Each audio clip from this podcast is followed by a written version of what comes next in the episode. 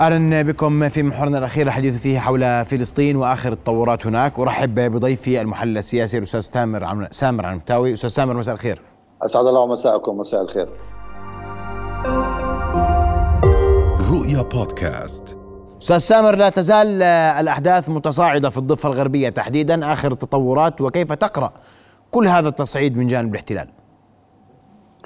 يعني أخي محمد آه، خلينا هالمره نخرج من النمط التقليدي والنمط الأسلوب النمطي في تحليل ما يحصل، لأنه سنقول الاحتلال يقوم بعمليات الاجتياح والقتل والتدمير والمستوطنون يعتدون وكل هذه الإجراءات الإسرائيلية التي تتصف بها هذه الحكومة الفاشية. ولنقول أن هذه الحكومة الفاشية ليست أسوأ مما قبلها لأن كل الحكومات فاشية، لأنه بصراحة عفوا ووضوح ما يحصل الآن في فلسطين واضح لكل العيان. الآن. هو استمرار المشروع الصهيوني في القضاء على الوجود الفلسطيني وهو استمرار للأداء هذه الحركة الصهيونية في الاستيلاء على الأرض والاستيلاء على كل ما هو فلسطيني وعزل الفلسطينيين في كانتونات.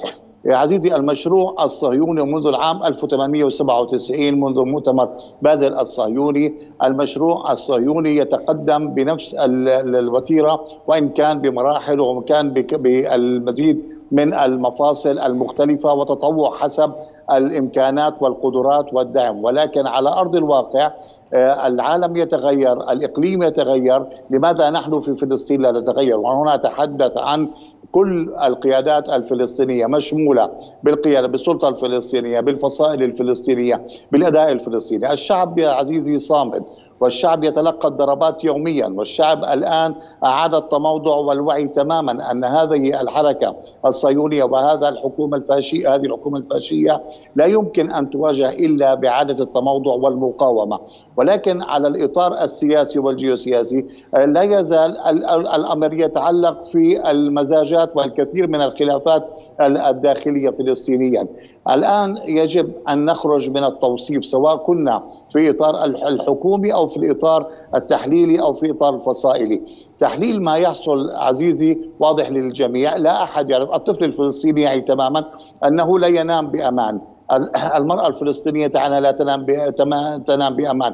الكل يعلم أن المستوطنون الآن يستولون على الأرض وعلى الطرقات الخارجية وهناك توسع استيطاني غير مسبوق. في كافة المناطق. إذا الأرض الفلسطينية الآن آه، تصرخ بشكل واضح والشعب الفلسطيني ينتظر وجود قيادة وطنية موحدة تنسجم مع التغيرات الإقليمية والدولية لتصنع مشروعا جديدا من خلال منظمة تحرير قوية ديمقراطية تفهم المعنى الحقيقي للوحدة الوطنية وللبرنامج الوطني الكفاحي المقاوم لهذه للحركة الصهيونية. هذا ما يجب أن ننظر إليه بشكل واضح لأنه اليوم كان هناك مطالبات شعبية أستاذ سامر بوحدة الصف الفلسطيني في مواجهة كل ما يحدث. هل هذا ممكن إذا كان هذا هو الحل الأخير اليوم؟ هل يمكن للقيادة الفلسطينية بكل أصنافها للفصائل الفلسطينية بكل أصنافها وفئاتها واختلافاتها أن تتفق اليوم من أجل فلسطين؟ هو هذا ممكن لكن هل هم يريدون ذلك؟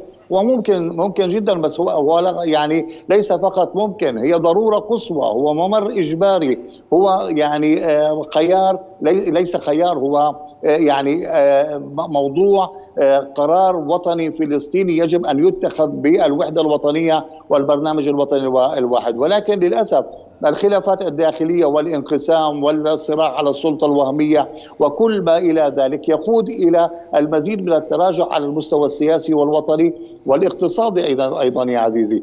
دولة الاحتلال الآن تحاصر الشعب الفلسطيني تحاصر السلطة صحيح تحاصر الحكومة صحيح تحتجز الأموال تمنع الوضع الاقتصادي في تراجع كبير. وأهم عوامل صمود الشعب الفلسطيني هي توفير لقمة العيش والصحة حتى يصمد الشعب الفلسطيني ويستطيع أن يصمد. ولذلك هذا يتطلب الكثير من من العمل والجهد. وهذا العمل والجهد يجب أن يكون في إطار فعلا وحدوي الذي كما ذكرنا في البداية هو ممر يجب أن يتم. ولكن للأسف القيادات الفلسطينية سواء كان في الضفة الفلسطينية أو في قطاع غزة ذهبت إلى كافة العواصم العربية والعالمية وكان حوارات في كافة المجالات وكان اتفاقات آخرها في الجزائر لنعود إلى نفس المربع. أن لا وجود لاتفاق وطني واضح أن لا وجود لإعادة بناء منظمة التحرير. منظمة التحرير تتراجع. الممثل الشرعي والوحيد للشعب الفلسطيني كلنا نريد هذا الشعار. أن تكون منظمة التحرير الممثل الشرعي والوحيد للكل الفلسطيني ولكن في إطار وحدوي في إطار مكافح في إطار ديمقراطي في إعادة بناء من جديد. أيضا المشروع الوطني الفلسطيني يجب أن لا يكون رد فعل على الإجراءات الإسرائيلية، يجب نعم. ان نخرج من مسار دولتين إلى لشعبين أو هذا الذي تحاول دولة الاحتلال أن فعلا تهدمه بشكل كبير. يجب أن يكون الشعار واضح من خلال المشروع الوطني أن الشعب الفلسطيني في مرحلة تحرر وطني ومرحلة مواجهة احتلال حتى الخلاص من هذا الاحتلال الذي فعلا آه، يعني يريد أن يتجه بهذا الاتجاه. وأقول هنا بتلخيص أخي محمد الإقليم العربي الآن يتغير في في التحالفات وتتطور المواقف سواء كانت في الخليج أو في غيره العالم أيضا يتغير من التخلص من القطب الواحد. دولة الاحتلال تتكشف للعالم بعنصريتها وفاشيتها. لماذا نحن استراتيجيا لا نتغير؟ علينا أن نتغير لنواكب هذه التغيرات ونعيد تحالفاتنا في المنطقة نعم. من واضح تماما المواجهة نعم. أشكرك كل الشكر الأستاذ سامر عنتاوي المحلل السياسي. كنت معنا مباشرة من نابلس. أشكرك على وجودك معنا اليوم. رؤيا بودكاست.